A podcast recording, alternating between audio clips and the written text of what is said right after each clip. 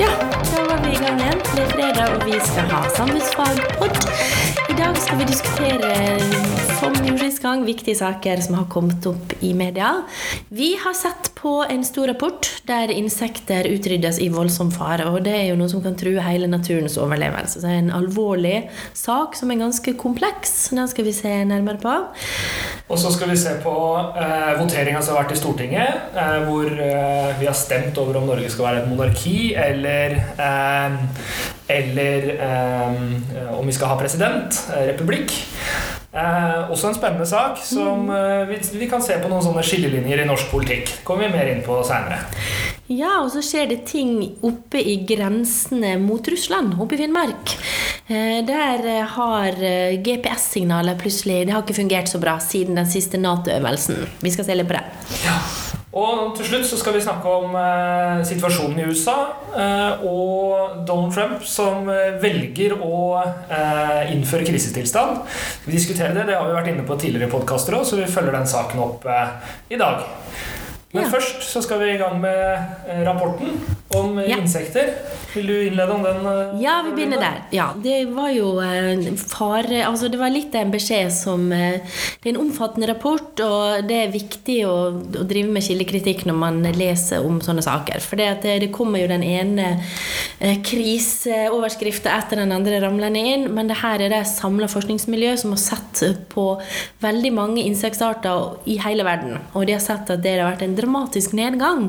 Eh, Det er snakk om rett og slett at fortsetter den trenden her, så vil insekter forsvinne helt fra økosystemet. Og da er det kanskje mange som tenker yeah, da får ikke vi maur som plager oss, og vepser og sånne ting. Vi er jo ikke så veldig glad i insekter, er? Nei, altså jeg, jeg sliter veldig med mygg, da. Jeg blir jo stukket helt i. Altså, Ja. sånn, sånn sett så kunne det jo være en fordel. Ja, og edderkopper er liksom ikke min favoritting.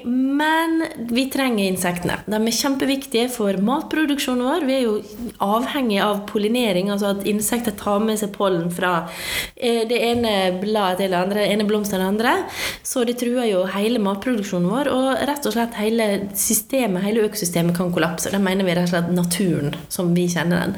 For det at det, vi har jo, hvis dere husker fra Naturfang, så har vi en næringskjede der du har insekter som er mat til f.eks. fugler, som igjen er mat til andre dyr. Så mister vi det leddet i næringskjeden, så er alle de andre leddene trua. Og det her er rett og slett dramatisk. Men hva er det som er, hva er, det som er årsaken til det her? Nei, altså, rapporten sier jo at, at hovedårsakene handler om landbruket, og, og hvordan landbruket ødelegger den naturlige floraen. Eh, og eh, Det er bl.a. ved bruk av plantevernmidler og kunstgjødsel. Eh, og eh, plantevernmidler handler jo om å i stor grad faktisk fjerne Ja. insekter. For eh, hvis, du, hvis du planter kål på, en, eh, på, på et jorde og ikke, ikke bruker plantevernmidler, så er det ganske stor sannsynlighet for at et eller annet insekt eh, da eh, ødelegger Ja, produksjonen. Vi har vært for effektive rett og slett i å verne Og det er jo en greie vi ser da, altså Jordbruk har jo blitt mye mer effektivt siden den første jordbrukeren begynte rundt Var det Tigris, Eufrat og Tigris i Midtøsten for en del tusen år siden. Så, eh, men det er også bebyggelse. altså Vi bor jo mer og mer Vi dekker mer og mer av jorda og naturen med eh, veier, med infrastruktur og sånne ting. Men så er det også eh, at vi rett og slett får mer skog. Det virker litt sånn paradoksalt. Ja, det virker litt rart. Vi tenker jo at skog er en naturlig greie. At vi, jo mer skog, jo bedre. Eh, Men det er jo ikke nødvendigvis sånn. fordi at eh, Mm. Hvis vi ser på historien i verden, så, så har det jo ikke vært sånn at verden har vært eh, tjokk full av skog når det ikke har bodd mennesker der. Nei, det er ikke det mest naturlige. De, når de ser på eh, ja, et økosystem i balanse, som er egentlig det vi snakker om her Vi har forstyrra balansen med altså, vår kultur, rett og slett.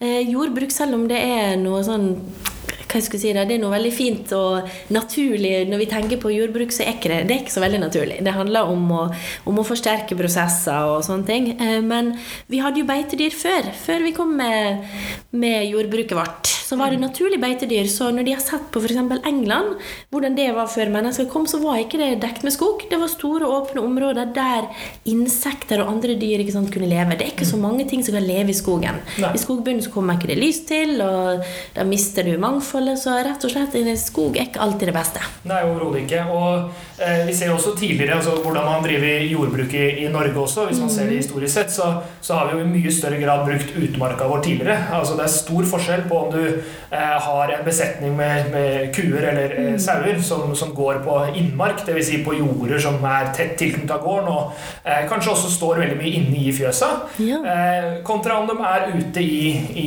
i og beiter i, ute i, i villmarka. Ja, og det er rett og slett industrialiseringa vi snakker om her. Det er snakk om å, å går vi- mer og mer bort fra naturlige prosesser, og vi har jo noe som heter nesten sånn industrijordbruk, der eh, de går innendørs, og vi har maskiner, og vi har betong. Så eh, det er rett og slett vår, Vårt moderne samfunn går på bekostning av noe. Vi har det kjempegodt, men eh, nå ser vi til og med i Norge så er 37% av eh, Nei, skal vi se 37% av trua arter er i Norge.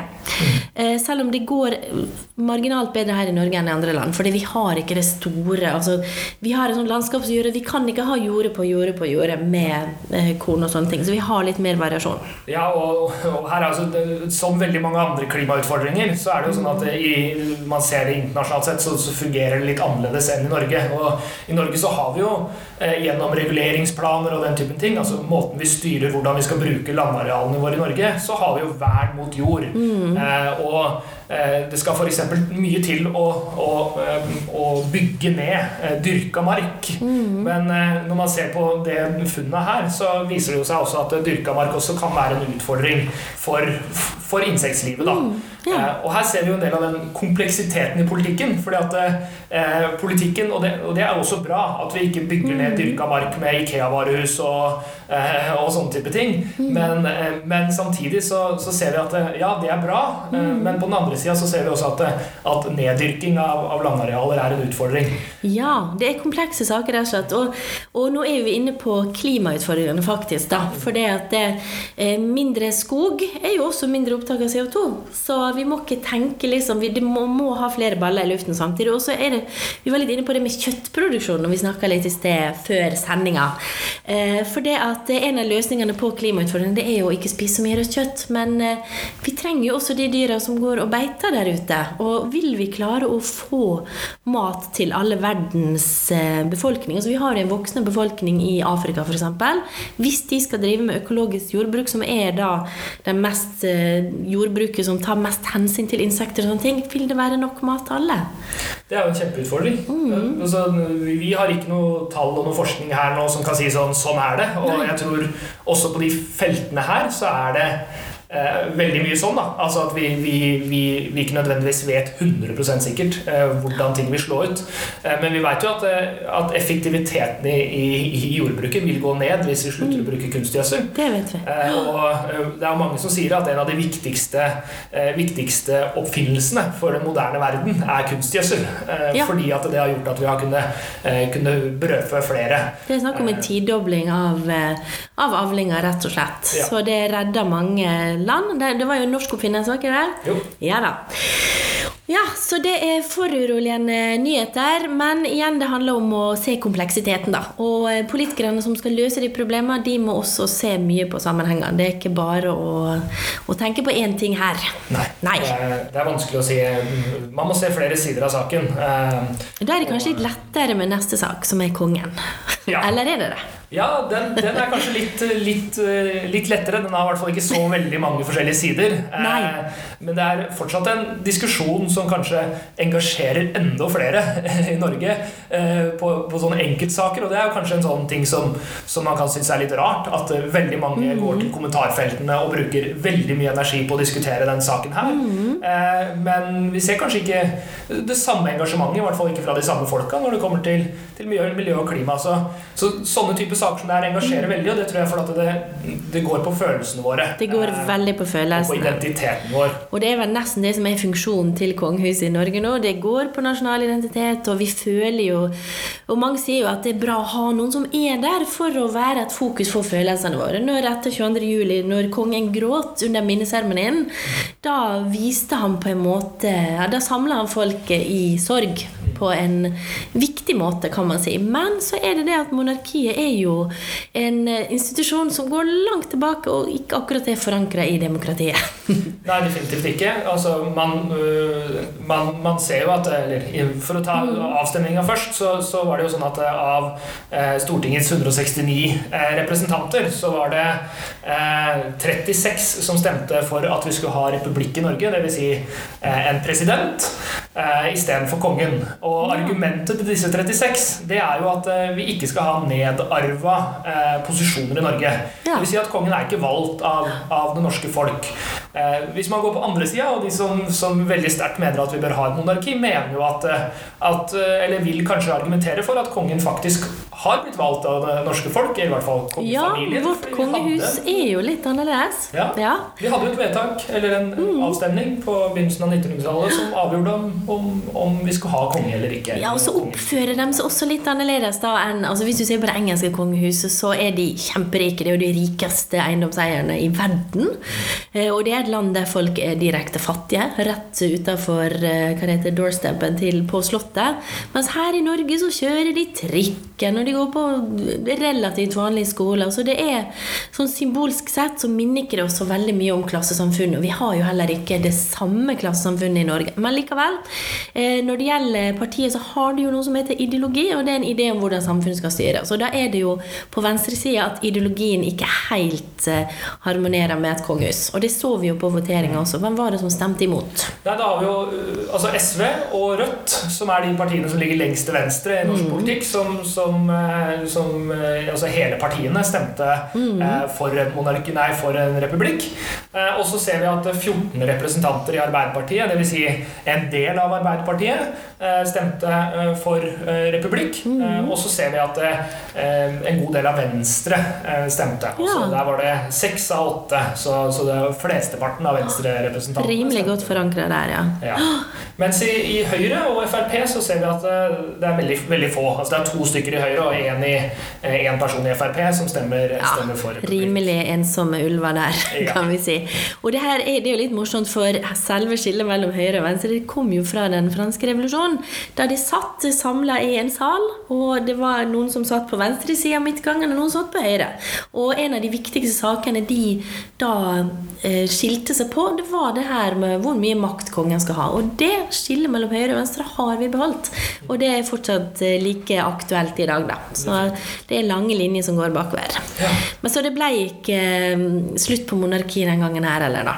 Nei, det ble ikke det. Men, men som, som er viktig å si, da. Kongen i Norge har særdeles lite makt. Altså, kongen har Ja, hva slags si- makt har kongen egentlig?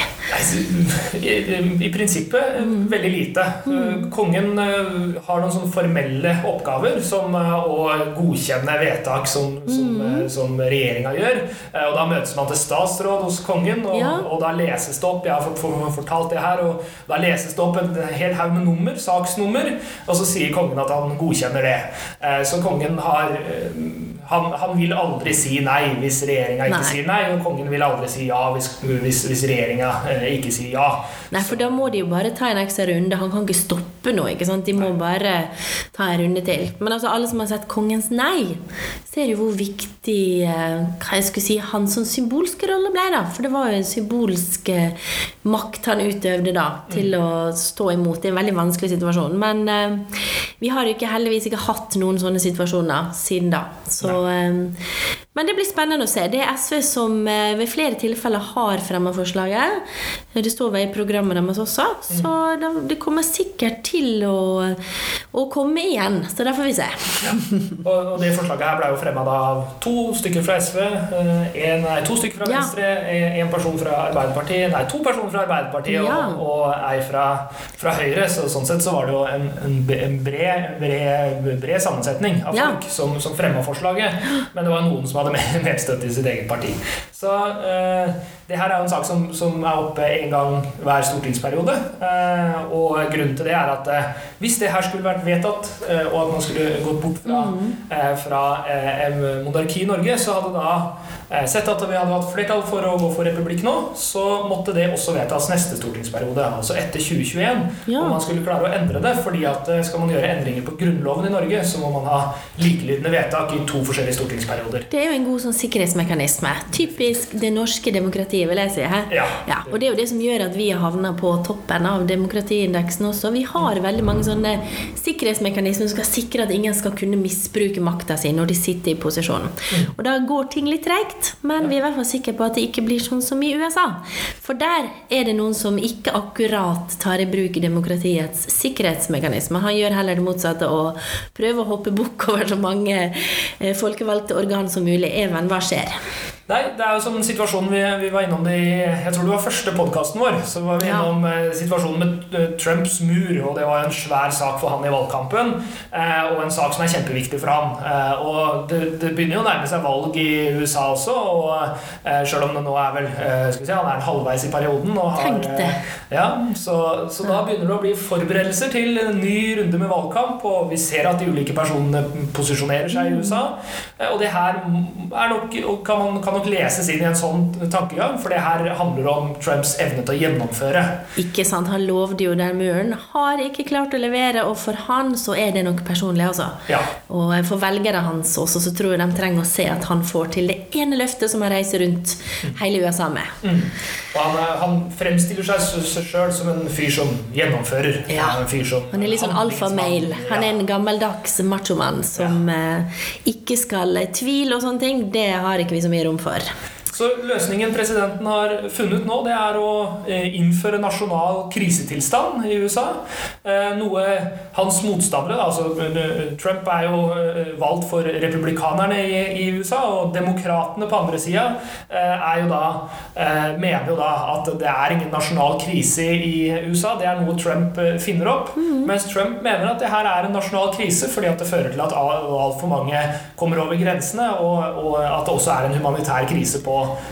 på, på, på grensa. Ja, og det er jo Det har vi det, altså det med kildekritikk som eh, Altså, det må være vanskelig å, å drive med det i USA. For det han eh, Trump har jo brukt alle virkemidler for å få frem den krisestemninga. Det er snakk om eh, Han snakka om karavaner, altså hva det heter, sånn lange rekker med folk som marsjerer gjennom Sør-Amerika, og han sier det her rett og slett er iscenesatt av demokratene.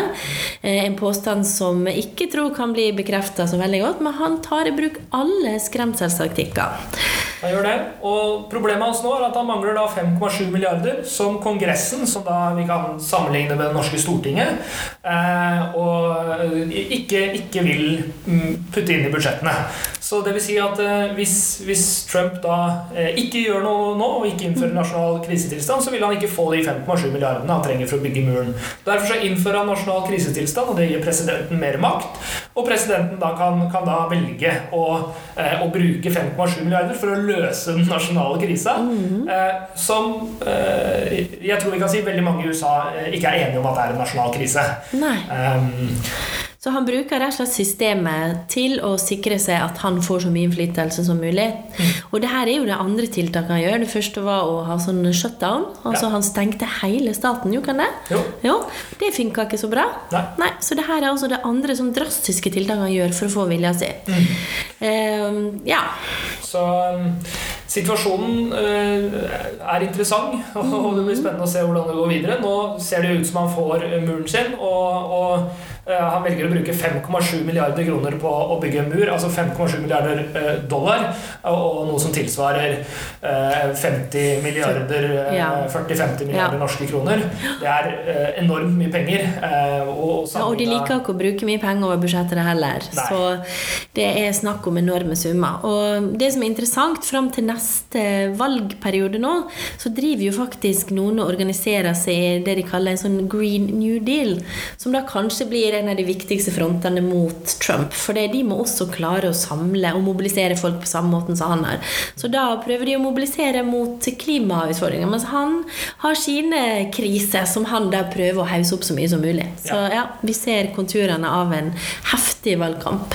Og det kommer vi til å komme mer inn på også, helt sikkert i, i podkasten. Fordi at det, det Ja. amerikanske valgkampen fungerer ganske annerledes fra den norske valgkampen. Det kan du si. Eh, Så eh, man, man, man skaper kriser på en helt annen måte. Og det er klart at når man skal nå ut til så enormt mange folk, så, så er det nok avgjørende. Så det blir spennende å se.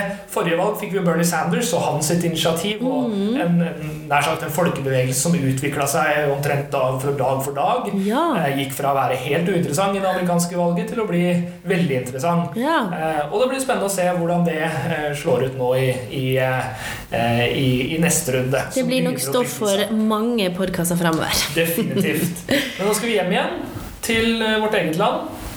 Og Ja. GPS. Hva er GPS for noe? da? Ja, det er jo da Global Positioning eh, var Signals. Ja, det er noen satellitter oppe i verdensrommet som eh, rett og slett brukes til forskjellige dingser vi har, som kan fortelle oss hvor vi er på kartet, hvor på jordkloden. Det handler om koordinater og sånne ting. Og det har vi jo blitt mer og mer avhengig av. Altså, jeg kan ikke gå på tur i en ukjent by uten å ha min sånn map-app. som forteller meg Altså, jeg trenger den blå prikken som forteller meg hvor jeg er. den er dønn avhengig av. Men hvis du bor i Finnmark, da kan det godt hende at du plutselig ikke ser noe blå prikk, fordi Fordi at eh, Russland altså Det her starta når vi hadde den store militærøvelsen eh, i Nord-Norge. eh, Ja. Der hvor hele Nato var med. med, med så det, det- den største, største øvelsen Ja. på, på norsk jord. Skal vi si litt om Eh, Nato, forresten? Det er jo Ja. eh, viktig. Altså, Den ble jo skapt Vi har nettopp hatt om det i klassen med. -hmm. og da så vi at det faktisk så ble jo det, det oppretta som en allianse fordi de mista litt troa på FN. FN ble jo oppretta etter andre verdenskrig, for da skulle vi opprette freden i verden. Men så begynte de å miste trua ganske fort, og så var det noe av de, de sterkeste landene av de som vant andre verdenskrig, fant ut at de måtte ha en allianse i tilfelle rottefelle, og så var jo allerede den kalde krigen da begynt. De var bekymra for kommunismen som skulle spre seg, og det var jo f.eks. nabolandet Norge. Norge var et naboland til Russland, og vi så at vi trengte beskyttelse. Og, det, og USA hadde en interesse av å stoppe spredninga, for det er rett og slett kommunismen er en ideologi som de så på som noe som kunne ta over verden og, og ødelegge den. da. Eh, Og da fikk vi Nato. Ja, og I senere tid har Nato vært en, en, en viktig Mm. leverandør av militærmakt rundt omkring i verden. Nato var jo involvert eh, i, i Afghanistan-krigene, eller krigen, og, og også vært involvert i Libya, hvor, vi, eh, hvor Norge faktisk var veldig delaktig. Slapp 600 bomber over, eh, over Ja. Libya i en Nato-aksjon. Og da så vi jo at FN og Nato samarbeidet. Det var i Sikkerhetsrådet i FN. De gjorde vedtak om å gripe inn i Libya. Men det var Nato som tok oppdraget, for de er en militær organisasjon. På en helt annen måte enn det FN er. Og Det her er også viktig inn i den, den, den saken her. fordi at Når vi snakker om da øvelsen i nord, så, så er det ikke snakk om at det er en, en militærmakt som ikke har vist seg å være aktiv, eller som ikke, ikke har evne til å gjennomføre, som øver i nord, hvis vi ser det fra Russlands side. Ja. Nato er en, en organisasjon som har vært i uh, aktive kamphandlinger, eller i, i aktiv, jo, aktive kamphandlinger eh, ved flere anledninger de Ja. siste 10-15-20 åra. Uh, og, og det er viktig hvis vi skal se det fra et annet perspektiv enn vårt eget, som, Ja. som vi selvfølgelig mener at det her er fornuftig. Ja, for det er nok en eh, skal vi kalle det en propagandakrig på gang på begge sider av eh, eh, Altså, vi har jo Russland har jo ikke vært fienden i, etter den kalde krigen slutta, men nå er vi litt tilbake der til den kalde krigen. Og da ser vi verden veldig annerledes. Og fra russisk side så kan man si at se på USA, de har jo tatt for seg og gått inn i land etter land. Suverenitet er jo et prinsipp som kanskje ikke betyr så mye lenger. Men Russland har også gjort det samme. De har gått inn på Krimhalvøya og også tatt for seg. Så begge to har eh, vist at de setter til side noen prinsipper som man var enige om. Så suverenitet, hvordan skal vi beskrive det når jeg først bruker det begrepet her? Nei, Suverenitet handler om at du skal ha makt over eget landområde. Mm. Så innenfor norske grenser så er det Norge som bestemmer, og, og ingen kan eh, flytte, flytte, prøve å ta makt over våre områder uten at man bryter suvereniteten. Og, eh, og da er det jo sånn at eh, hvis man plasserer eh, militære tropper i Norge uten Norges, eh, Norges aksept for det, så vil det være en brudd på norsk suverenitet. Ja, så det er retten Så- til selvstendighet. Ja. Men så har dette her nå responsibility to protect-prinsippet kommet inn, da. Eh, og det har jo blitt brukt, nå gjorde jeg sånne hermetegn, det viste vi ikke så godt på podkasten, eh, som et argument for å gripe inn i landet og kanskje gå utover suvereniteten til det landet.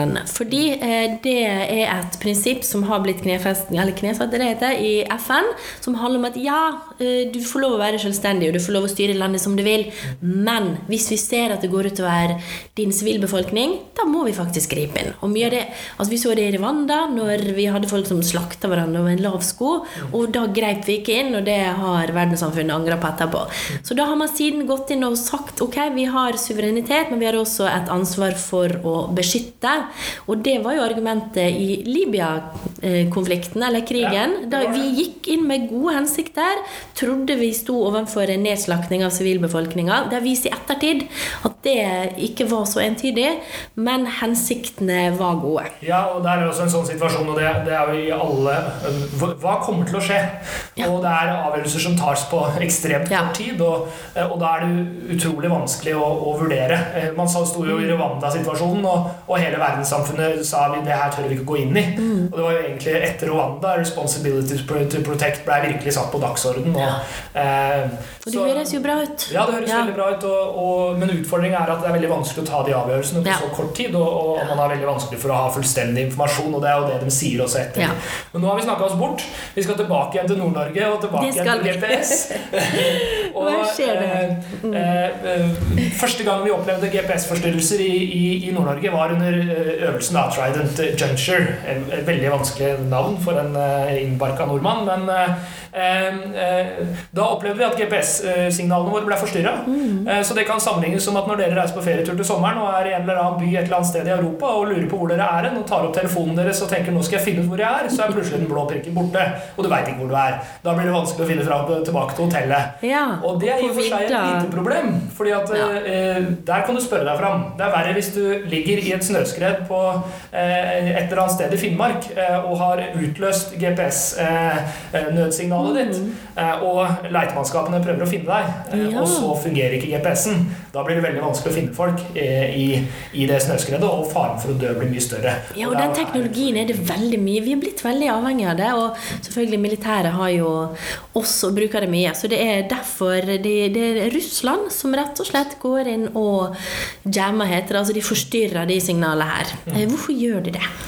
Nei, her er vi jo inne i en sånn eh, Hva skal man kalle det? Det er, en, eh, det er jo en eh, form for digital eh, Krigføring? krigføring. Eller Mhm. eh, om man skal kalle det krigføring, er kanskje også vanskelig å si. Men, eh, og, men det er jo, her er jo spørsmålet hvor er det suvereniteten til Norge går.